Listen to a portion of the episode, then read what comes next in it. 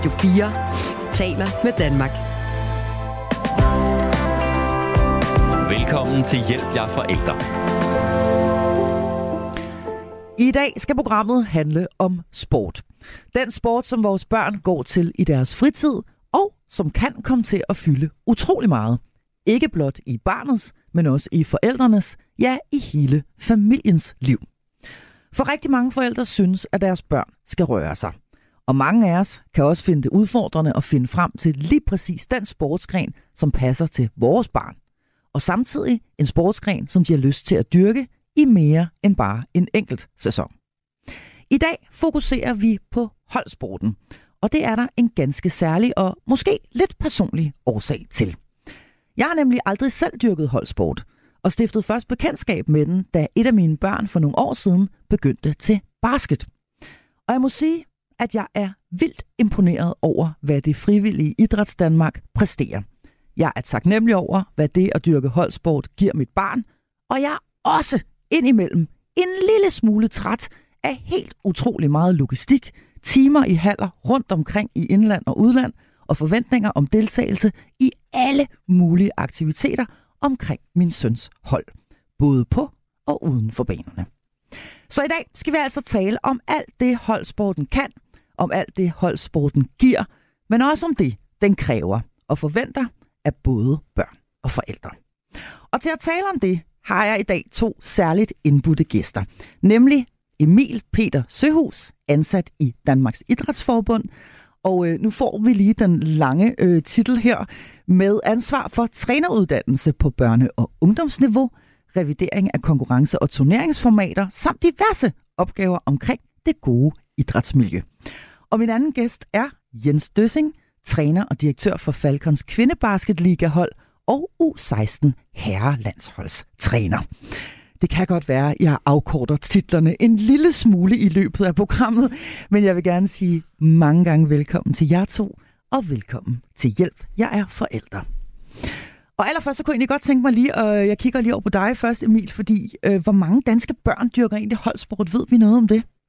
Det er, øh, det er svært at sige, fordi vi har, vi har 62 forskellige specialforbund, der er medlem af Danmarks Idrætsforbund, og det er ikke dem alle sammen, der er enten rendyrket individuel idrætsgren eller rendyrket holdsport. For eksempel i Gym Danmark, Gymnastikforbundet, der har mange forskellige discipliner, finder du både Team Gym, der er meget holdbaseret, og også mere individuelt baserede øh, discipliner som øh, idrætsgymnastik. Men øhm, cirka en 350.000 af vores børn og unge medlemmer er i rendyrket holdsport med fodbold som den største, og så håndbold og basket efterfølgende med de højeste medlemsantal. Wow, fordi det var nemlig mit næste spørgsmål.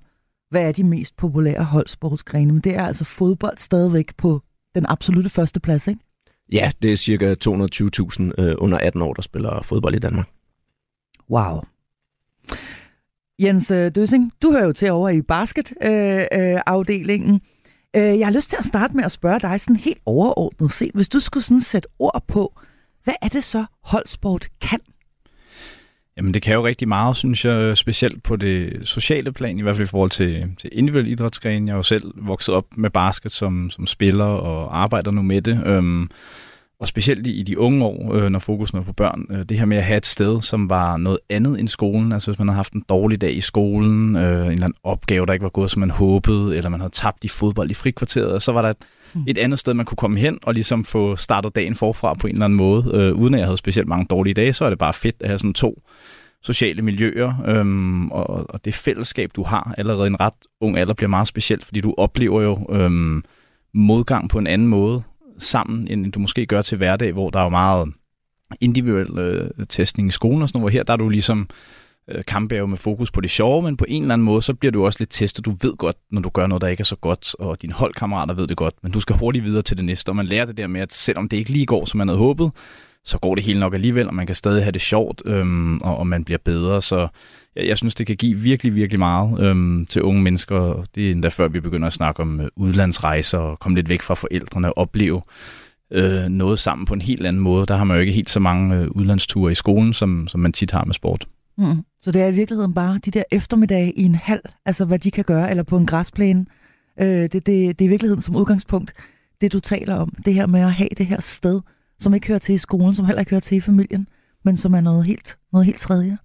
Ja, fuldstændig. Jeg kan huske en af mine øh, kammerater i, i folkeskolen, jeg fulgtes med hjem, øhm, noget af vejen i hvert fald, han, nej, han skulle hjem der, og han skulle lave den der opgave til i morgen, og han vidste ikke, hvordan han skulle nå det, og, og, og hvad gjorde jeg egentlig? Sådan, jeg kommer hjem, og så skal jeg lige slappe af, så skal jeg til træning, og så må jeg lave den senere. Han var sådan, hvad, hvordan kan, hvordan kan du det? Og for mig var det jo bare hverdagen, så, så det gav jo også en, en masse disciplin i forhold til, at, at mine forældre sagde, at du må spille alt det bare skal du vil, men lektierne skal være lavet.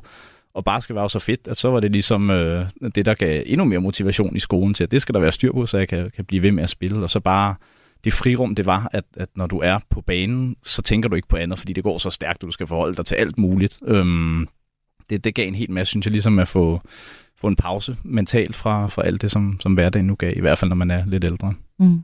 Og så er der jo også den fysiske side af det, kan man sige, det her med at få med et virkelig gammelt øh, boomer-udtryk, få brændt noget krudt af. Altså, øh, nå nej, men altså det her med, at man sidder øh, jo også virkelig mange timer øh, om dagen øh, på, i, på skolebænken. Øh, så det her med at øh, komme ud og få, få, få, få brændt noget krudt af, øh, det, det, det er vel også en, øh, en del af det. Nu kigger jeg over på dig øh, igen, øh, Emil Peter Søhus.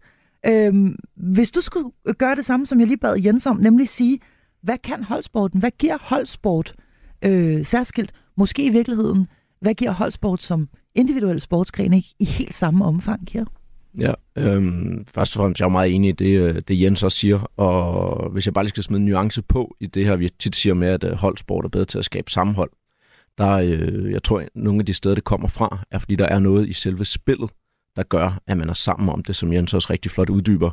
Men altså igen er det meget klubmiljøet, det handler om. Øhm, vi vil helt sikkert også se holdsportsklubber, som ikke har et miljø, der understøtter det, hvor at så kan det, man har sammen inde på banen, være lige meget fordi der er en træneradfærd eller en generel klubkultur, der ikke understøtter det.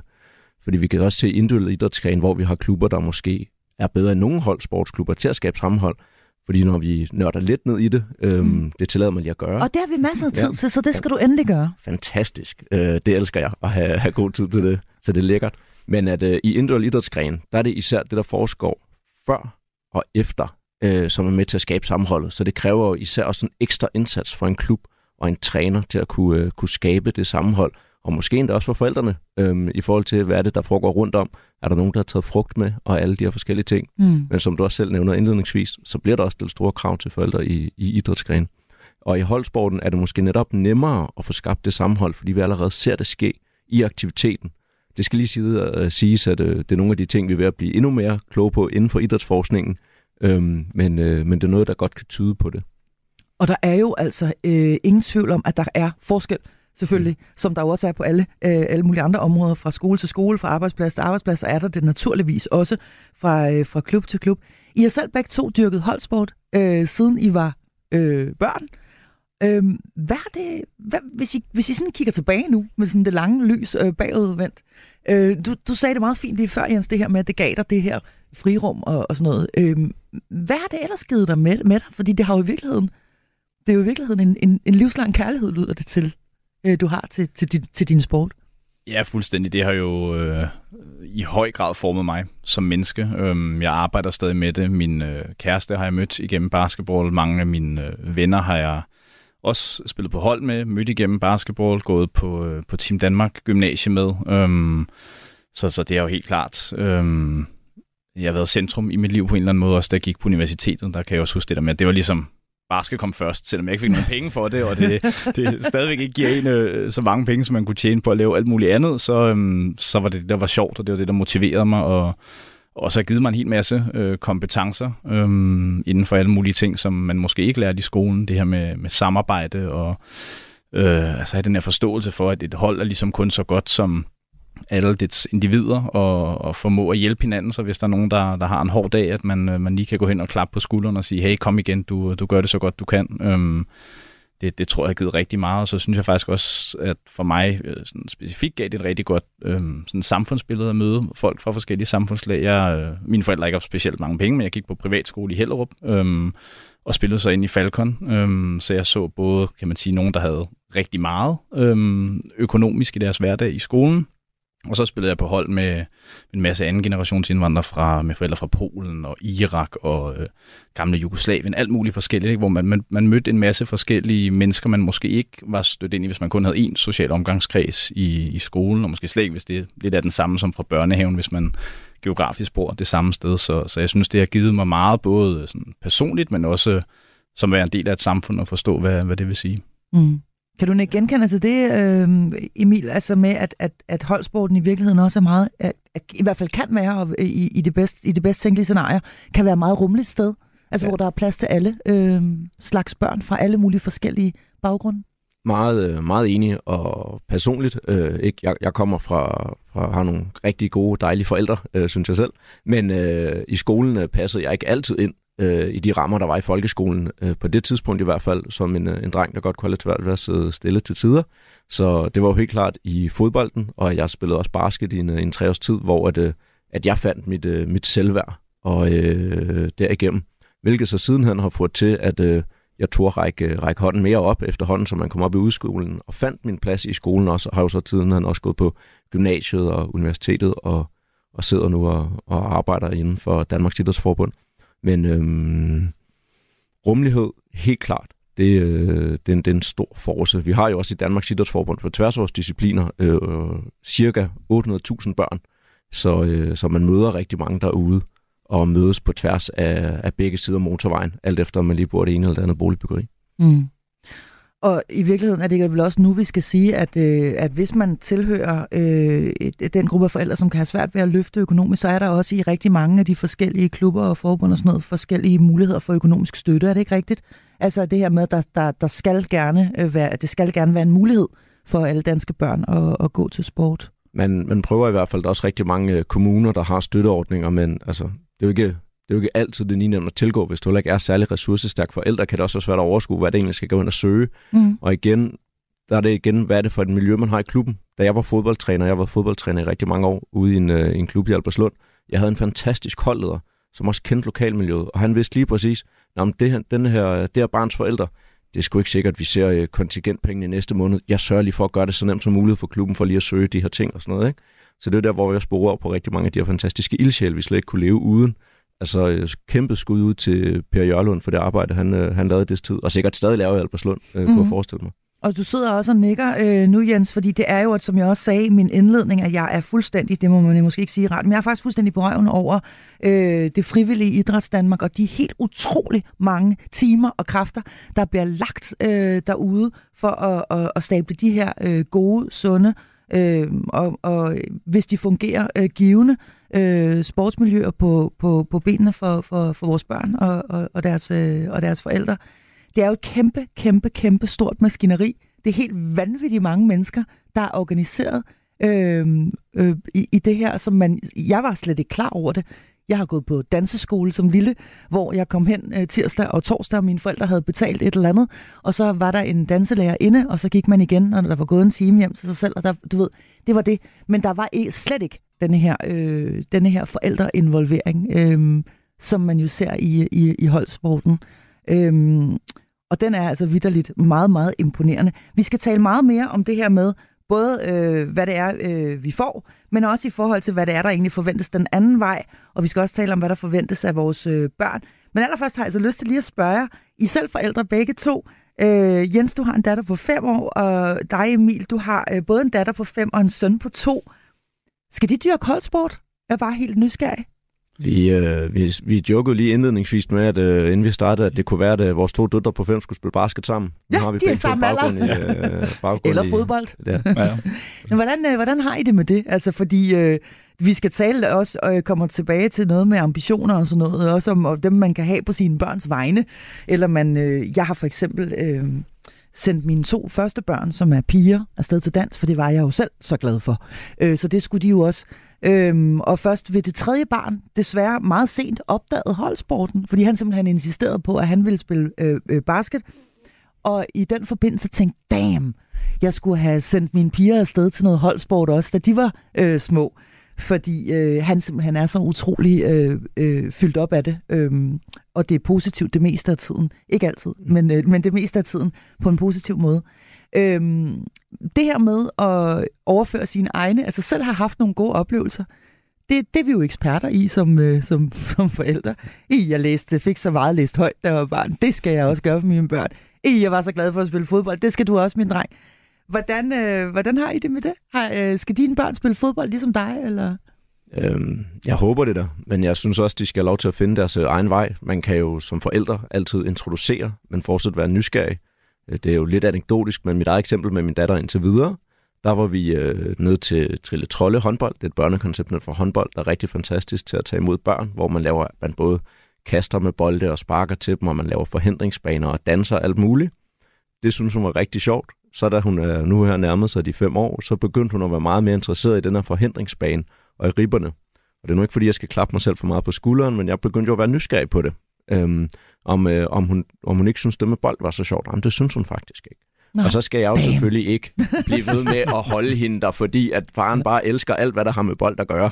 Så, øh, så lige nu, der, jeg svømmer med begge børn, og, og håber da, at de finder hen et boldspil, også fordi at jeg synes, at det kunne være sjovt at træne dem på et tidspunkt. Og så håber jeg ikke bliver den alt for overambitiøse far. Nej, præcis. Og lige præcis det, du taler ind i, det er jo i mm. virkeligheden ret, ret essentielt. Jeg tænker også, at I møder dem og støder på dem øh, i, i jeres arbejdsliv. Øh, og, og no offense, for jeg kan sagtens, øh, jeg kan sagtens, jeg har selv været der øh, og, og, og moset mine døtre ned i lyserødt tyld og sendt dem afsted øh, til dans, fordi det skulle de da i hvert fald.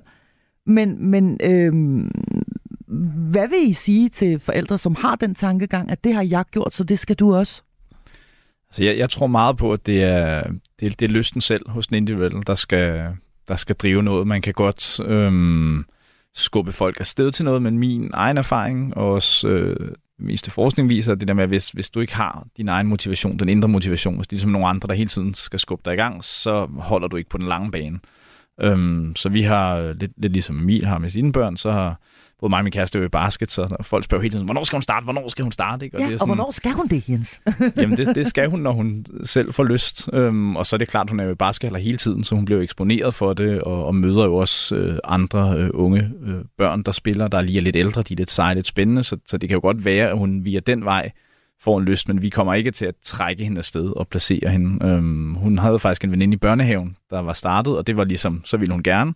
Så jeg tog der ned med hende en lørdag morgen, og så var veninden der ikke, og så ville hun ikke engang ind i, øh, i hallen. Det var bare, øh, det var sådan lidt, lidt træt lørdag morgen, ikke? hvor hun, øh, der var ikke så meget ja-hat på. Så Nej. vi tog hjem igen, og så har vi ikke været der siden. Men på et eller andet tidspunkt, så, øhm, så håber man det der, både fordi man selv har fået så mange gode oplevelser og erfaringer med det, og også fordi man man får en masse kompetencer, som man kan bruge senere hen i livet. Så det er da klart, at, at man vil forsøge at forklare sit barn, at, øh, at det kan give rigtig meget godt og sjovt, og de venskaber, man har i børnehaven, kan man også få i sport, og, og så elsker vores datter at løbe og bevæge sig, så på et eller andet tidspunkt tænker hun, hun kommer til at lave et eller andet, men det bliver ikke os, der sådan sender hende afsted til noget. Mm-hmm. Og hvis det nu er, at hun så siger, jamen altså, jeg vil gå til ishockey, hvordan vil du så have det med det?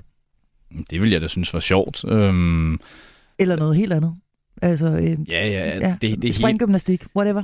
Ja, ja det, hun har faktisk også gået til gymnastik. Det hele kan jo give noget. Øhm, det er selvfølgelig klart, at sådan, på et øh, helt egoistisk plan ville det være sindssygt fedt, hvis hun spillede basket, og man kunne tage med rundt og se hende og, ja. og snakke med hende og få et, et fællesskab omkring det. Men, men det har jeg ikke haft med mine forældre. Øhm, min mor har spillet en lille smule, øhm, så der kunne man snakke lidt om det, men, men min far har ikke. Han er interesseret i i motorløb, øhm, men man har jo stadig lagt en enorm indsats i at, at køre os børn rundt og, og snakke om det og, og begynde at forstå det øhm, mm. en smule mere, så det ville da også være sjovt selv at, at få øjnene op for, for noget andet idræt, når nu man er så basketnørd, som jeg er. Mm.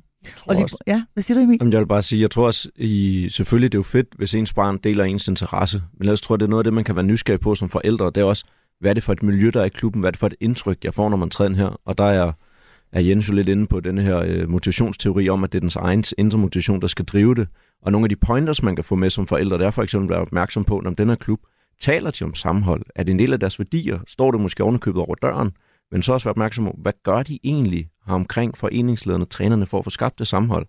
Noget af det andet, vi kan se er vigtigt i forhold til at få motivation, det er udvikling. Man føler sig dygtig, og man bliver dygtigere, men i høj grad også følelsen af at være dygtig. Så læg mærke til trænerne generelt i klubben.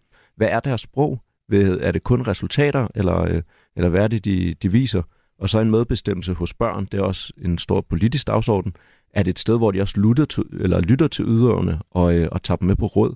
Eller er det udelukkende en voksenstyret aktivitet? Det vil jeg mene er vigtigere end om det så lige er, øh, er badminton eller springgymnastik eller basket. Du, er, øh, du foregriber simpelthen begivenhedens gang, fordi det var nemlig lige præcis det, vi skulle til at tale om nu.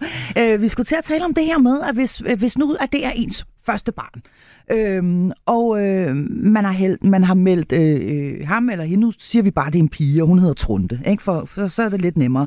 Hvis nu man har øh, meldt Trunte øh, til, lad os, lad os kalde det til, til håndbold, øh, og hun skal starte der. Øh, nu sagde du lidt om, hvad man kunne gøre forud for, at man egentlig overhovedet udfylder elmeldingsblanketten. Øh, nemlig, at man kan tjekke øh, hjemmesiden, for eksempel, eller spørge ind, eller hvad. Øh, der, du kom med en, en række øh, gode råd til, hvad man kan gøre derinde. En anden ting, man kan gøre, har jeg lagt mærke til langt de fleste steder, det har øh, tror jeg, mange benytter sig af, det er det her med at få en prøve. Altså, øh, komme og prøve noget af. Øh, Altså en enkelt time eller to eller tre øh, træninger, inden man sådan ligesom beslutter sig for noget. Hvad skal man lægge mærke til her, når man kommer øh, konkret med sit lille med, med trunde i hånden der? Der vil jeg så især nævne, at øh, selvfølgelig man kan ikke mærke, hvordan de, de taler til udøverne, er de inkluderende og alle de her ting.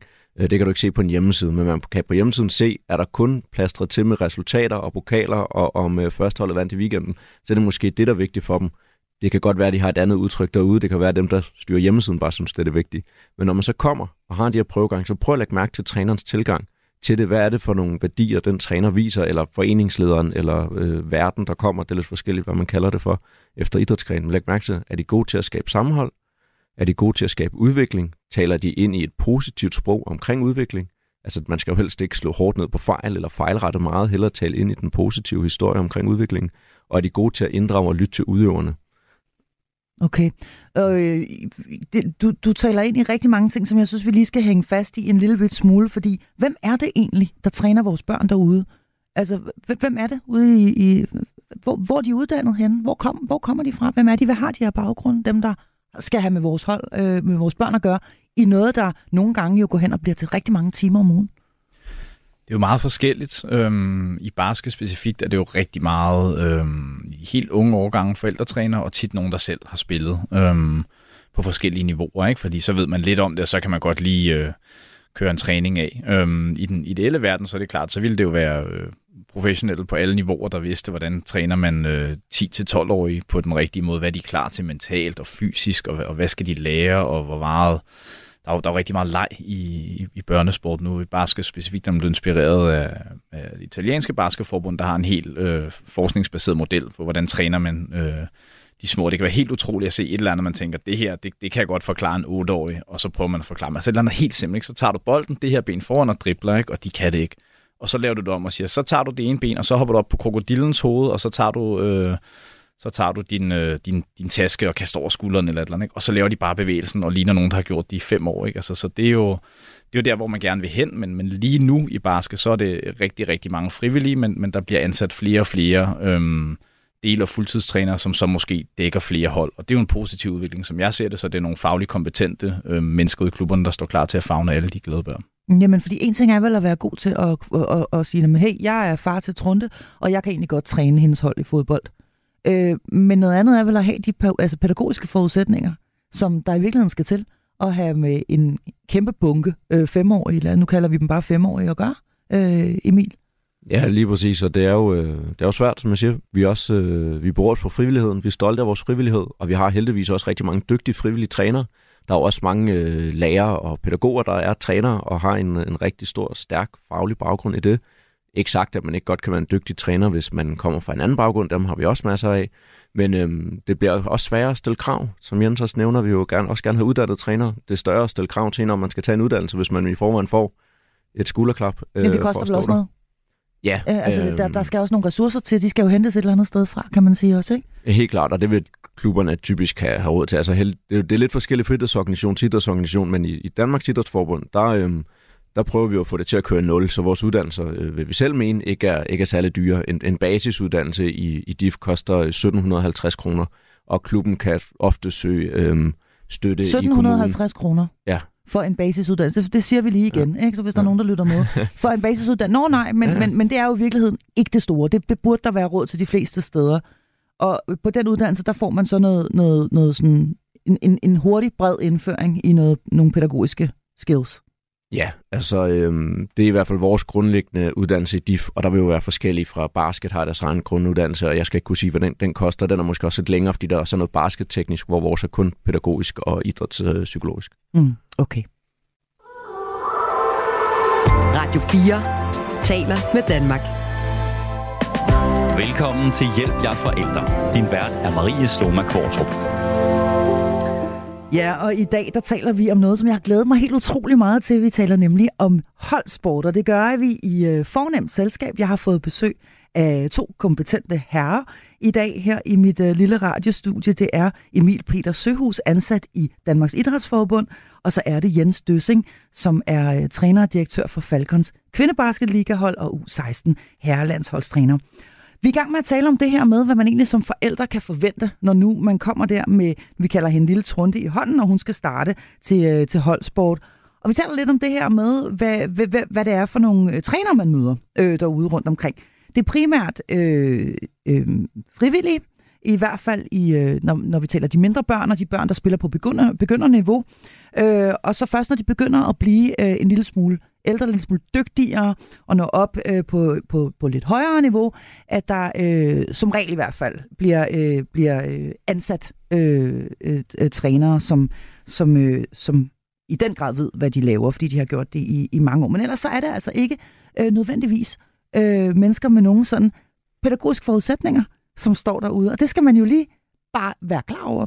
Vi har talt lidt om også, øh, hvad man kan holde øje med, hvad man lige kan kigge på, og hvad man også kan spørge ind til, når man møder træneren. Hey, øh, hvad, hvad er det? Hvad, hvor ligger du snittet henne? Hvad går du op i? Hvad synes du er vigtigt?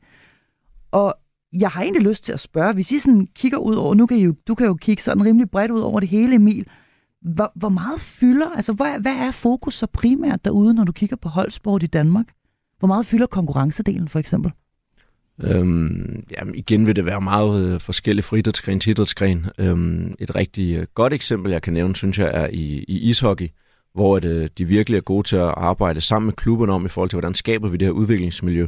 Og øh, noget af det nyeste de tiltag, de har gjort, det er, at de faktisk har også har fjernet sådan, øh, resultat- og turneringsformatet fra det helt op til U14, fordi de siger, det er vigtigt, at vi kommer ud og spille kampe, vi skal spille mange kampe, men det er simpelthen vigtigt, ikke vigtigt, hvem der vinder den enkelte kamp eller andet.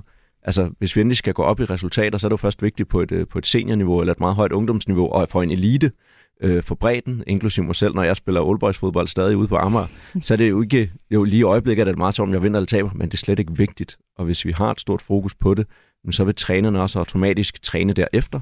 Så er der desværre færre, der får spilletid, fordi enkelte træner har det med at bruge dem, der er tidligst udviklet, fordi de bare er højere, stærkere, hurtigere, og dermed endnu bedre, og så får de andre ikke lige så meget spilletid. Så, øh, så heldigvis er der rigtig mange øh, klubber og forbund, der er på vej imod en mere øh, udviklingsorienteret tankegang. Altså, hvor der så også bliver plads til lidt flere? Altså, hvor, hvor der bliver mere plads til, at alle børnene får lov at være med i virkeligheden? Ja, altså øh, ishockey kan direkte se, de er også rigtig gode til at arbejde databaseret, mm. øh, og ishockey er også en holdsport, nu hvor vi også især ja. snakker holdsport i dag. Ja. Øhm, men de har direkte data, de kan se på, at når der ikke er først resultater fra, fra kampe imod hinanden over tid, så der er flere, der får spilletid på isen, der er flere, der får rørt pukken flere gange, og det er jo rigtig gerne det, vi har. Mm. Flere, der får flere gode oplevelser i vores øh, idrætsmiljø. Ja, fordi det er jo derfor, man går til denne her øh, holdsport, og det er derfor, man kommer. Det er derfor, det også nogle gange kan, være, øh, kan gå hen og blive svært. Det er, hvis man så øh, oplever som barn, og faktisk også som forælder, at man sidder på bænken hele tiden, og man simpelthen ikke får lov til at komme ind og være med. Øh, det kan give skuffelser, det kan også være stærkt demotiverende. Altså, øhm, og når man er helt lille, jamen, så kan det jo øh, føles øh, decideret udelukkende, og, og, og kan, kan, kan øh, komme til at minde om, at øh, noget, der er rigtig ubehageligt, ikke? altså at blive, i, blive fravalgt og, og så videre, ikke være god nok. Øhm, hvordan oplever du, at I, altså hvordan griber I øh, kon- det her konkurrenceelement an, der hvor du kommer fra, øh, Jens Døssing?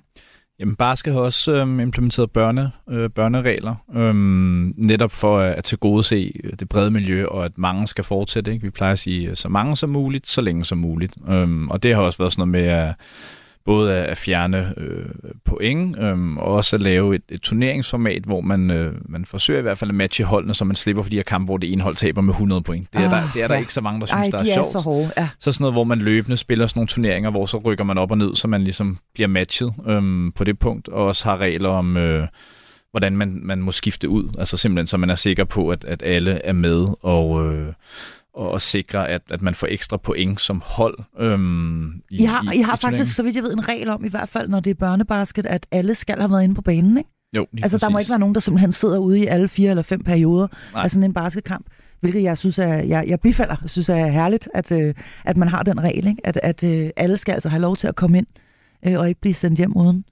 Øhm, så det er I opmærksom på øh, også. Og så er der selvfølgelig, skal vi lige huske at sige, jo forskel også fra træner til træner. Og der vil være nogen, som bare virkelig gerne, øh, som bare virkelig, virkelig, virkelig gerne øh, vil vinde. Hvis jeg må supplere med en, en fed ting for basket også, øh, og jeg ved ikke, hvor, hvor velimplementeret den er endnu, men der er i hvert fald også snak om det her med, at øh, at i børnebasket må trænerne ikke stå under kampen og coache ind på banen hele tiden, eller om det er bare en værdi eller en decideret regel. Men jeg synes, det er et rigtig godt udgangspunkt også at sige til trænerne, lad børnene spille. Det er børnenes oplevelse. Det er ikke dig, der skal stå og fortælle, om der skal spilles til højre eller venstre, eller, eller, eller prøves at laves point. Det er, lad, lad børnene spille kampen, og så kan du altid coache i, øh, i pauserne imellem perioderne. Okay, ja, det, det, den, den synes jeg ikke, jeg oplever. Nu er jeg i basket stort set hver eneste weekend. Jeg synes, der bliver øh, råbt og, og, og coachet virkelig meget fra sidelinjen. Øh, men ikke så meget af forældrene længere, fordi øh, det har forældrene, der, der har været virkelig meget tendens til, at forældre også gerne vil blande sig i træningen. Og, øh, og der er der altså heldigvis kommet en, der er simpelthen kommet en benhård øh, træner nu, som siger, det vil jeg gerne have mig frabedt. Det er mig, der træner børnene, og ikke jer. Øh, apropos forældreambitioner, øh, og måske også nogle gange et lidt ivrigt engagement. Vi skal tale lidt om, hvad det egentlig kræver af vores børn, det her. Øh, fordi det er jo altså øh, dem, det, øh, det primært handler om, selvom det er forældrene, der, der, der lytter med. Øh, hvad kræver det af et barn? Fordi lad os nu lige kigge på denne her hverdag, ikke? og de skal op tidligt om morgenen, og de skal afsted og være i enten børnehave eller, eller skole hele dagen. Øhm, og så kommer fritidsaktiviteterne. Hvad, øh, hvad, hvad, hvad kræver det egentlig af dem, når nu de skal møde ind og være en del af et hold? Kan I sige noget om det? Jamen det kræver selvfølgelig, at man øh, i, i hvert fald, når man kommer lidt op i alderen og sådan de, de sidste par år i skolen, at man er rigtig god til at planlægge sin tid, øh, hvis man skal nå det hele. Der er jo selvfølgelig både skolen, og hvis man har en, en sport, man synes er sjov, men der er også det sociale liv udenfor, der er også en familie. Øh, og det er jo også noget, der, der har givet anledning til, til problemer. Da jeg var yngre i hvert fald, det der med, at, at hvis lille Niels han skulle til fødselsdag, ikke, så kunne der godt stå en eller anden træner og sige, så vil lille Niels det ikke nok. Hvor der, der har man lidt mere forståelse nu, specielt for, for de helt små. Ikke? Mm. Øhm, så, så det kræver, at man er god til at planlægge sin tid, men da, da jeg selv var ung, der oplevede, oplevede jeg det jo som, som noget, jeg glædede mig til. Altså, det var jo noget sindssygt sjovt, jeg skulle. Så det var ikke sådan, jeg kom hjem og var træt efter skole og tænkte, jeg skal det bare skal senere, puh, det bliver hårdt. Og, altså, det var bare, man gik og kiggede på uret, ikke? Og hvor Hvornår skal jeg afsted? Ja, ja, jamen det, men nogle gange ja. var det jo nærmest direkte fra skole, ikke? Og så ned og være i hallen i, i 4-5 timer, ikke? hvis der var plads øhm, til at løbe og spille på en kur, men hvis nogle af de andre også kom, så var det jo bare et, et fedt sted at være. Øhm, men ja, og de dage, hvor der ikke er træning, der er de der skulle alligevel. Altså, fordi man ja. tænker, det var da utroligt, du må da snart være træt i de der ben. Øh, men, men det er jo, når det er så lystbetonet, og når det er et velfungerende hold, naturligvis. Det kan man jo ikke forvente lige op starten. Altså, lige, man kan jo ikke forvente, at man har en lille trunde her. Hun, altså, lige starter hun også møg hammerne træt, og klokken er fem, og det regner. Måske også udenfor, hvilket det jo gør en del her i Danmark. Så det kræver jo også, øh, det kræver noget af, af Trunde. Altså, hun skal måske lige have en finstang, eller hvad hun nu skal have, ikke? Og, og, øh, og kom, det bliver sjovt, og så videre. Øh, hvor vedholdende vil I mene, at vi skal være øh, som forældre? Altså, hvor insisterende skal vi være på ligesom at fastholde dem? Nu har jeg meldt dig til. Jeg har betalt et kontingent.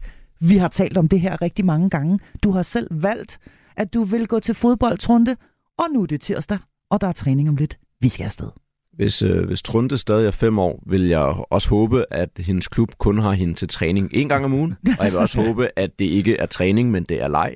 Og øhm, hvis Trunde så ikke har lyst til at skulle afsted den dag, efter man lige har prøvet med en fine stang, og hvad der ellers kan få en femårig godt humør, det virker tit med min datter, ja. øhm, så, og stadig ikke har lyst, så håber jeg, at forældrene øh, bliver hjemme. Det, det er ikke vigtigt i den alder endnu overhovedet at skulle have en kontinuerlig idrætsdeltagelse. Øh, vi vil rigtig gerne have dem der. Vi synes, vi har et rigtig fedt produkt, vi kan tilbyde, men det er ikke vigtigt, at man er der hver eneste uge, slet ikke med en femårig.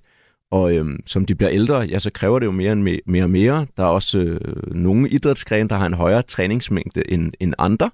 Øhm, mm. Og nogle har måske også en for høj træningsmængde. Det er jo noget af det, jeg ellers sidder og gør mit arbejde på arbejde med forbundet, finde ud af, hvor meget, hvor meget, hvor lidt, hvornår i, øh, i de forskellige aldersgrupper. Øhm, heldigvis oplever jeg, at der bliver gjort et godt stykke arbejde der, derude, og så arbejder aktivt med klubberne, som også ofte bliver meget ambitiøse. Men øhm, til hver en tid vil jeg jo mene, at hvis, hvis barnet virkelig ikke vil afsted den påkendende dag, mm. så lad være. Det må ikke blive surt. Vi skal ikke bruge, igen når vi snakker motivation og idrætsforskning, så, så yder motivationsformer som tvang og, øh, og skal ting. Altså det kommer til at dræbe den indre motivation over tid, og jo længere tid de her ydre motivationsformer bare står og banker på den indre motivation, jo større mm. er sandsynlighed for at Trunde så siger, nu gider jeg ikke mere. Og så når kontingentet er udløbet og er blevet tvunget afsted, så siger nu gider jeg ikke, og så ender med at sidde derhjemme og lave noget andet, og vi vil jo rigtig gerne have dem der. Så kan man altid snakke om på et tidspunkt, når man et niveau, bliver man så dygtig, så der bliver stillet nogle krav op, der vil jeg så håbe, at de klub, forskellige klubber er rigtig dygtige til at, for, at stille forskellige tilbud til rådighed. Så der både er plads til at rumme dem, hvor vi siger, dem der er herover, det er dem, der gerne vil. Vi forventer i møder øh, mandag, onsdag, torsdag og kamp i weekenden. Men det er helt okay, hvis I ikke har lyst til det, så har vi også det her hold herover, mm. hvor der ikke er mødepligt. Og der var, der var en klub i Jylland, i Flysing, der øh, i, et, øh, i et projekt, øh, eller jeg ved ikke om det var et projekt, de fik en træner, øh, tidligere europamester Morten Brun faktisk, som prøvede at fjerne stort set al mødepligt. Og han startede som U13, da de var U19, havde det en klub, der normalt har sådan to U19-hold, jeg ved ikke helt, hvordan det er i dag, men da han stoppede, havde de fem U19-hold, to 11-mandshold og tre 7-mandshold. Og de havde øh, spillere fra hele Aarhus og omegn, fordi de kom hen et sted, hvor der ikke var det krav, det, og heller ikke det præstationskrav, der, var andre steder. Nej, de fik at vide, kom, kom onsdag, hvis du har lyst. Har du ikke lyst, er det også okay. Kom til kamp i weekenden. Og da de blev ældre og gik i gymnasiet, det skulle også okay, hvis du har været til fest dagen før. På bredde niveau er der også rigtig mange trænere, der ikke bryder sig om deres, øh, deres øh, unge udøvere går til gymnasiefester. Men praktisk talt, så beder vi dem jo bare om at blive væk, hvis vi stiller de krav op. Mm på bredt niveau, skal det lige sige. Og jeg er simpelthen så glad for, at du øh, siger lige præcis det der, Emil, for jeg sidder og bliver personligt en lille smule lettet, fordi jeg har det nemlig, jeg har nemlig en seksårig, som, som øh, har spillet fodbold i et års tid nu, og, og det er altså to gange halvanden time om ugen. Og, øh, og forleden dag, der, øh, der græd han, og det regnede, og han orkede slet ikke, og han havde også lidt ondt i hovedet, og sådan noget, og der var bare slet ikke nogen motivation. Øhm, og der må jeg være ærlig indrømme, det passer mig faktisk meget godt. Altså, øh, jeg tænkte, ved du hvad, det er sgu fint. Det regner, vi bliver hjemme, laver noget andet, hygger os. Ikke? Øh, men det kan jeg høre, at det var så det rigtige valg. Så tak skal, tak skal du have øh, for den, Emil. Intet pres på dem, når de er alt for små. Det der pres, det kan tid nok komme, nemlig når de bliver ældre, og når de jo altså begynder at lige pludselig blive dygtige. Og øh, så er det jo også, at hele det her udtagelseselement og så videre, det, det kommer i spil, og det skal vi altså også lige nå at tale en lille smule om. Fordi det, som vi gerne skulle undgå, mens de er små, som jeg har hørt jer begge to så fint sætte ord på, det skal være løsbetonet, det skal gerne være lejende, øh, det skal gerne være sådan, så alle er på banen, og alle får lov til at spille, og måske endda også nogenlunde lige lang tid, nå, øh, lang tid hver og så videre. Det forsvinder jo altså, når vi når op på et vist øh, niveau. Det er vi enige om. Ikke? Så er det lige pludselig et helt andet game. Og så handler det jo om, øh, så handler det altså om at, om at vinde, ikke? Og, blive de, og blive de bedste. De her udtalelser og, og hele det her konkurrenceelement, som, bliver, altså som, som strammer til, hvordan, øh, hvordan pokker øh, håndterer vi bedst det som forældre? Kan I sige noget om det, uden at have tre timer til det? Ja, det er jo et... et øh, jeg har arbejdet meget med, med ungdomslandshold og seniorlandshold, og du kan ikke rigtig undgå, at der er en, en, en eller anden form for, for drama omkring det her med at selektere nogen. Øhm, det er jo sådan, at Team Danmark anbefaler ikke, at man, man selekterer før puberteten. Øhm, Nej. Så det, det, det anbefaler man i hvert fald ikke, og det, øhm, det, det giver heller ikke rigtig nogen mening, når vi, vi snakker om igen det her med lyst og motivation og holde mange i gang. Øhm, og som forældre, så tror jeg, det handler om, når man når den alder, at, at øh, først afkode barnets motivation. Altså, hvor gerne vil man det? Vil du være et sted, hvor der bliver selekteret, og hvor nogen får, får mere spilletid end andre? Øh, vil du gerne spille professionelt på sigt? Vil du øh, bare blive så god, som du kan? Og hvis man har den der motivation, så, så tror jeg, det handler meget om at snakke om, at en, en udtalelse er jo noget, øh, der sker lige nu og her. Det er jo ikke sådan, at det betyder, at øh, fordi du ikke bliver udtaget til kamp i weekend, så kan du ikke blive god til basket eller en Nej. anden sport. Du kan ikke have det sjovt med det. Altså simpelthen automatisere det en lille ja. smule og snakke om det langsigtede perspektiv og... Øhm, noget, nu er jeg U16 er landstræner, noget vi snakker meget med spillerne om, at de vil selvfølgelig gerne med til de turneringer, vi skal til den her sommer, men, men det er ikke alt afgørende for, om de bliver gode som 25-årige, som er der, vi ser, at, at spillerne efterhånden begynder at kunne få en rolle på, på seniorlandsholdsniveau eller som professionel. Og det er jo lang tid, fra du er 15 år til du er 25, ikke? At ligesom mm. skulle sige til dem, bare roligt, der, der er 10 år, ikke? Men for dem, der betyder det jo alt lige Jamen, det nu gør her. Det jo. Ja. Så det der med at afdramatisere det en lille smule og forklare dem, at, at det er faktisk ikke alt afgørende. Vi ved godt, I gerne vil det her. Men, men det er da fedt, at I overhovedet er, er, har lysten til det, og tænke på alle de oplevelser, I kan få, og alle de venner, I kan få, og alle de her ting, som man måske ikke lige tænker på, når man ser listen over, hvem kom så på holdet, og hvem gjorde ikke. Øhm, mm. det, det har jeg i hvert fald gode erfaringer med, at man ligesom snakker med dem om, at du spiller ikke basket, for lige at blive udtaget den her ene gang eller ej. Det er klart, du gerne vil det, men der er jo alt muligt andet, som, som du synes er fedt ved det, og det skal du bare holde fast i. Mm. Men selvfølgelig er der skuffelser, og selvfølgelig er der tårer, øh, og selvfølgelig kan det også øh, ende ud i sådan en, en, en i hvert fald øh, dalende motivation, ikke? At sidde der og være, igen være den, der ikke er blevet øh, udtaget. Har du nogle gode øh, håndgribelige bud på, hvordan man håndterer de her skuffelser, de her bump på vejen, som altså kommer jo, hvis man netop er vedholdende og har dyrket sport lang tid nok, til man er blevet så dygtig, så der er nogen, der begynder at blive udtaget. Ja, øhm, og jeg lige skal fokusere lidt råd også på forældrene i forhold til, hvordan kan man så måske tage, tage hånd om sit, uh, sit unge menneske, der er her Præcis. igennem. Og Ja. vigtigt også lige, som Jens også påpeger, at sige selektion før pubertet giver ingen mening. Vi aner ikke, hvem der bliver bedst, eller alt sådan noget, fordi vi aner ikke, hvordan de udvikler sig rent fysiologisk og anatomisk. Men det kan jeg så fortælle dig, det Ja. gør de også helt ned i 6 års alderen ude i fodboldklubberne. Men Ja. ja, øh, ja, Men, øh, men så tilbage til rådene ja, til, øh, ja, til forældrene. til Hvordan forældrene. håndterer vi skuffelserne og Først og fremmest, Ja. det, det vigtigste, vi kan gøre, det er at være nærværende. Være til stede. Og det vil jeg godt, det stiller rigtig mange ressourcer. Og vi har sådan en udfordring i de danske talentmiljøer med, at det er børn af ressourcestærke forældre, der er der. Øh, ikke nødvendigvis med mange penge, men mor og far har det godt. Hvis mor og far er skilt, så har de det stadig rigtig godt. Øhm, og de har tid til at køre og alle steder hen og sådan noget. Så der er også nogle ting der, vi skal arbejde med. Men det vigtigste i hvert fald også, det er at være nærværende. Spørg nysgerrigt ind til den unges oplevelser. Øhm, samtidig så også respektere trænerne og dens beslutninger. Det hjælper ikke nødvendigvis den unge, hvis, hvis du så bare går ind og taler imod den pågældende træner, men være i stedet for nysgerrig på hos den øh, unge, hvad det gør ved den unge ikke at være, ikke at være, ikke at være udtaget. Øhm, Man kan jo også gå, gå hen og blive enormt fred. Altså lad os nu bare lige sige det helt ærligt, som det er. Mm. Ikke? Fordi det er det bedste, vi har. Det er vores børn, og nu er Trunde igen, ikke nu er hun blevet lidt ældre, ikke? Mm. men nu er hun igen ikke blevet udtaget. Nu er det igen nogle af de andre. Nu er det igen ikke hende, der skal afsted. Og nu er det igen ikke hende, der skal have lov at prøve at komme hjem med en medalje eller en pokal. Og det er fandme ikke i orden. Altså, og jeg bliver vred over det her, fordi hun skal også... Hvor, hvad, hvor gør man af det her? Hvor gør man af de følelser? Øh, ja, jeg ved ikke, Skal om man så ringe og skælde ud på dig, Emil, eller hvad skal man, det- hvad skal man gøre? det kan man godt prøve. Men du det. siger, det, det, er ikke, det er ikke træneren, der skal have den. Det er ikke træneren, der skal have de her til. Altså, Øh, nej, altså man kan sige, øh, i, den, i den gode klub, og hvilket der også heldigvis, vi laver et godt stykke talentudviklingsarbejde i basket også, den gode klub har jo sørget for at ansætte trænere, der er i tråd med klubbens værdier, og handler og udtager ud fra, hvordan klubben ønsker at udtage, hvilket måske endda er i tråd i det bedste verden, i tråd med forbundets ønsker inden for det. Så det er faktisk sjældent, vil det være den enkelte træner. Det vil der også være nogle steder, der er. Men øh, jeg synes ikke, og der er også rigtig mange frivillige talentudviklingstrænere, jeg synes, det ville være ærgerligt, hvis vi retter vreden hen på dem. mm, Så må vi gøre det andre steder. Men i bund og grund kommer vi jo ikke langt, særligt mange steder ved at rette vrede. nej. Nå, men, men, men, men lad os øh, kalde en spade for en spade. Mm. Den opstår. Øh, fordi sport er jo også følelser, og, og, og det kan man i den grad jo se. og Det er også derfor, det er så enormt fascinerende, og sikkert også så fuldstændig fantastisk at få lov at være en del af. Sport er følelser. Det er også følelser hos os forældre, og især når vi kan se, at vores børn bliver kede af det. Øh, men dit råd er, lad være at rette det mod træneren. Ja, simpelthen. Ja. Øhm, og først og fremmest træk vejret og blive ved med at holde fokus på indsats og udvikling. Og der er Mm. også der er, jo, der er jo masser af eksempler på spillere, der øh, inden for fodbolden, øh, Jesper Lindstrøm var ikke fast spiller. Øh, ej, undskyld, det blev meget internt. Han er et landsholdsspiller og Bundesliga-spiller lige nu. På 17-niveau var han ikke en fast del af holdet. Der har måske været nogle vrede, uforstående forældre.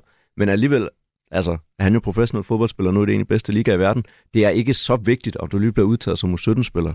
Mm. Og hvad siger du, Jens Døssing? Det handler jo også, øh, når vi snakker ældre øh, spillere og nogen, der har ambitioner, som gerne vil det. For det er klart, at, at hvis man Mm. Hvis man ikke gider det der med udtalelse og sådan noget, så skal der være et, et, et, et, et bredt tilbud, som Emil har været inde på, der kan samle en op, hvor man måske ikke behøver at komme hver gang, men man kommer og har det sjovt. Men hvis man, man Præcis. stadig gerne vil det og har ambitioner og synes, det er sjovt øhm, at være på et hold, hvor, hvor kravene måske bliver lidt anderledes med alderen, der tror jeg også, man som forældre gør, øh, kan gøre sit, sit barn en god tjeneste, hvis man siger, prøv at snakke med din træner om det. Hvorfor er det, du ikke er, er udtaget? Hvad kan du gøre bedre? Mm. Øhm, så Ja. man, man får noget læring af det, for det vil jo Jeg ikke det være konstruktivt i virkeligheden. Ja, det er jo ikke første gang, øh, eller sidste gang, de kommer til at møde det i deres liv. Det vil jo ske på alle mulige andre parametre, i skolen, på arbejdet. Der er et eller andet, jeg ikke lykkes med. Mm. Er der en eller anden ekspert, i det her tilfælde træneren, jeg kan gå til at sige, øh, det her, det, det bliver jeg frustreret og ked af. Hvad kan jeg gøre for at lave om på det? Og så må man jo ligesom arbejde på det. Og så er det selvfølgelig også klart, hvis der så ikke kommer en god forklaring fra træneren, eller det lige pludselig bliver noget med favoritter, eller det ene og det andet, så kan man jo måske som forældre gå til klubben og sige, vi har faktisk den her oplevelse, øhm, mm. og så kan, der, øh, kan man indgå i noget dialog om det. Men, men jeg oplever, at at de unge, de faktisk synes, det er super fedt at få noget øh, feedback. feedback. Vi har lige på 16-landsholdet øh, udtaget 20 spillere fra en trup på 45, så, så 25 spillere, der ikke kom med videre, men, men vi har snakket meget om det her med udtalelse. De har sendt dem alle sammen øh, skriftlig feedback, og der er faktisk ikke kommet nogen klager, ikke nogen forældrehenvendelser. Øhm, vi har kun haft spillere, der sagt, det var sindssygt fedt at være med. Øh, øh, det her feedback, hvordan kan jeg blive bedre til de her ting? Øhm, og det er jo netop det, man vil tænde, at det er der, de, de falder i, eller bliver forelsket i processen med at blive bedre til noget, de synes mm. er sjovt. Det, og det er jo altså også meget nemmere, hvis man ved, hvad det er, man skal arbejde på. Mm. Vi, øh, skal, øh, vi skal altså lige omkring det her, fordi øh, du sagde noget, der, der, der, øh, som jeg synes var meget interessant lige før, øh, Emil, fordi Øh, Øh, du siger det her med, at øh, dem, der virkelig fungerer godt derude, det er også ofte at dem, der har det godt. Altså det er dem, der kommer fra ressourcestærke familier, eller fra familier, som, nu sagde du, hvis forældrene er skældt, at de så stadig har det godt. Øh, det skurer noget i mine ører for at være helt ærlig. Øh, fordi jeg sidder og tænker, jamen hvad nu hvis man ikke kommer fra en ressourcestærk familie? Hvad nu hvis ens forældre ikke har det godt? Hvad nu hvis man er øh, slet ikke har en far, eller slet ikke har en mor? Eller øh, øh, hvis man har forældre, der ikke kan udstå hinanden, eller bekriger hinanden? Altså, hvis nu det ikke er så, vi kan godt blive enige om, at det er vidunderligt, hvis det hele bare er godt øh, derhjemme i ens bagland. Men hvad nu hvis det ikke er? Øh, kan man så ikke være med? Sagtens, og især også på bredt niveau, og forhåbentlig kan man også være med på elite-niveau. Og det er, ikke, det er desværre ikke noget, jeg har svarene på her. Jeg vil elske at have dem. øh, men øh, det er noget, vi begynder at være opmærksom på, som vi også hele tiden sidder og prøver at blive øh, klogere på vores talentudvikling. Og alle de ting kan vi bare se i, og jeg, jeg tydeligt gør lige talentudvikling sammenhæng, elite sammenhæng, så er der desværre bare til sydlandene nogle skjulte barriere derude, der på et eller andet tidspunkt er med til at ekskludere nogen undervejs. Og det kan jo måske være noget af det her med, at vi kan se, hvor vigtigt det er for børns øh, idrætsdeltagelse på længere sigt, og især også, hvis der bliver stillet store krav til tid, at forældrene har mulighed for at være nærværende. Mm. Og der er bare, det er bare svært at være nærværende, hvis du ligger i en grim skilsmisse, eller hvis ikke du, du er nødt til at arbejde to jobs, eller mm. så mange... Eller hvis man er alene ja. med seks børn, eller et eller andet. Øhm, men men øh, en anden, nogle andre små, små ting, der kan, kan, kan være, øh, øh kan fylde meget, ikke? Øh, ej, det, men, men, men, mm. men det er klart, altså det er ikke alle for ondt at tage med ud, og dermed er vi i virkeligheden fremme ved min introduktion, og der hvor vi også skal ende programmet, fordi det er øh, krævende faktisk også at have øh, børn, øh, der, der, der dyrker holdsport, og hvor det fylder rigtig meget. Øh, og jeg ved det fra mig selv.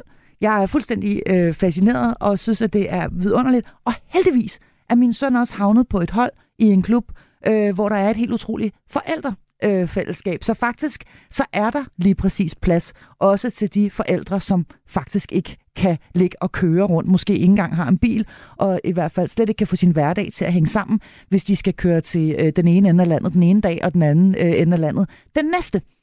Øhm, men jeg kunne godt tænke mig at tale en lille smule omkring det her med, øh, hvis man nu er en af dem, der lytter med lige nu, og man ikke er særlig ressourcestærk, og tro mig, det er jeg ikke altid, Øh, hvem, hvordan, hvordan melder man ud? Hvad, har I noget råd til, hvordan man sådan bedst muligt så kan blive grebet, eller kan byde ind med øh, øh et eller andet andet, noget af det, man så kan gøre, eller uden at det også går hen og bliver, altså, uden at det går hen og bliver uværdigt? Vi har på nogle af de ungdomshold, jeg har trænet, der har vi haft forældremøder, når sæsonen startede, og forventningsafstemt, hvor alle ligesom kunne byde ind med, hvad, hvad kan man bidrage med. Øhm, fordi de fleste øh, kan bidrage med et eller andet, men der er selvfølgelig ja. også nogen, der ikke kan, og det er enormt vigtigt, at man kan sige, øh, vi har faktisk ikke økonomien til at tage på de her tre udlandsture, som der er planlagt. Øh, hvordan kan vi løse det? Ikke? Og det kan jo så være, at der er en forældregruppe, der siger, om det, lad os smide det beløb ind i det samlede øh, brugerbetalingsbeløb, så, så lille øh, Trunde også kan komme med, eller hvad det nu er. Øhm, men jeg tror bare, det er vigtigt, at man forventningsafstemmer, og man kan melde ærligt ud om, at jeg kan faktisk ikke køre til kampe, jeg har ikke en bil, eller øh, jeg arbejder faktisk weekend, så det er enormt hårdt for mig, det der med kamper, der bliver skrevet, og hvem kan mm. det ene og det andet, må jeg godt melde mig ud af... Mm af chatten, og så kan jeg bidrage med at, at, at lave mad, når vi har øh, fællesspisning eller et eller andet, så man ligesom alle ved, øh, åbent og ærligt, hvem, mm. hvem kan bidrage med noget her, og hvem kan ikke. For der er jo også, til i hvert fald i basket, har jeg nævnt, der er mange øh, forældre, der er trænere, og som er investeret i deres øh, børn, der spiller de synes jo tit, det er sjovt at komme med i hallerne, ikke? og så mm. møder man lige sine gamle holdkammerater fra 20 år siden, ikke? Øhm, hvor nogen, øh, for nogle andre er det helt nyt, og det er dødssygt at sidde og se det der boldspil i hallen, så de er slet ikke motiveret til det, så hvis man på en eller anden måde kan finde en... Nej, eller de skal på arbejde i det pågældende tidsrum, ja, eller, ja, ja, eller, eller passe øh, fem andre søskende, eller ja, et eller andet. Præcis, ikke? Finde altså, den der fælles ja. forståelse for, hvem byder ind hvor. Ja, Og det kan man altså godt, øh, det kan man altså godt. Man kan godt få lov til at være med, også selvom man ikke kommer og kan bidrage med alverden, og man måske ikke engang i virkeligheden kan reglerne. Altså, øh, måske er man en, en, en, en, en mor, som sidder der og tænker, gud, altså, jeg aner ingenting om det her. Jeg ved, bolden skal ind i målet, og that's it. Mm. Øh, er der plads til en alligevel? Det, det, det vil jeg virkelig håbe. Og jeg tror faktisk, den gruppe, du nævner her, jeg synes det også derfor, det er så vigtigt, at vi får muligheden også for at snakke om det i dag. Fordi jeg tror, gruppen er faktisk større, end vi tror. Og jeg tror, gruppen er større, end klubberne og trænerne øh, tror. Øh, bare lige for at nævne nogle tal, vi lige har fået fra en større forældreundersøgelse, øh, vi har lavet. Øh, det er, at øh, 43 procent finder det svært at føle sig kompetent nok til at kunne komme, øh, navigere i en foreningskultur, mm. altså som forældre. Ja, det er faktisk det ret mange. Det tror jeg, ja. 41, øh, 41 procent har så også svært ved at afkode de forventninger, der er for klubben til en selv. Altså ja. man er svært ved at finde ud af, hvad for, bliver der overhovedet forventet af mig. Og at øh, 48 procent synes faktisk, det er svært at støtte deres børn i deres idrætsdeltagelse. Øh, så det er faktisk ret mange.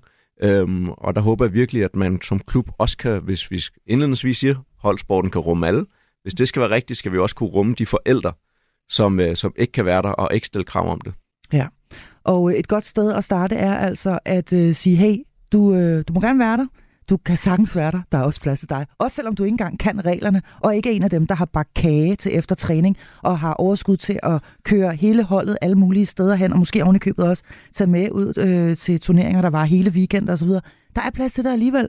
Øhm, du er værdig, du må godt være der. Dit barn må også godt være der og så ser få stablet nogle af de her forældremøder måske på benene, hvor der bliver forventningsafstemt en lille smule derude. Det vil i hvert fald være min opsummering på alt det her, vi har nået at få talt om i øh, denne episode af Hjælp, jeg er forældre. Vi når desværre ikke mere, men jeg, vi kunne tale om det her i meget, meget lang tid, fornemmer jeg. er utrolig glad for øh, besøg fra jer begge to. Det var Emil Peter Søhus fra Danmarks Idrætsforbund, og så var det Jens Døssing, træner og direktør for Falkons kvindebasketligahold og U16 herrelandsholdstræner. Mit navn er Marie Sloma Kvartrup, og du har lyttet til Hjælp. Jeg er forælder. Jeg synes, det var rigtig hårdt at blive mor. Og jeg synes, det var råt og ensomt og svært. Da skuespiller Sofie Torp blev mor, måtte hun for første gang i livet sande, at det perfekte ikke altid er det rigtige. Jeg vil ikke kalde det et kollaps, men jeg var nede sådan og... Lyt med i det sidste måltid, når Sofie Torp er død i en time. Så jeg havde sådan en bevidsthed om, at jeg skal have noget hjælp på en eller anden måde. I Radio 4's app, eller der, hvor du lytter til podcast. Radio 4 taler med Danmark.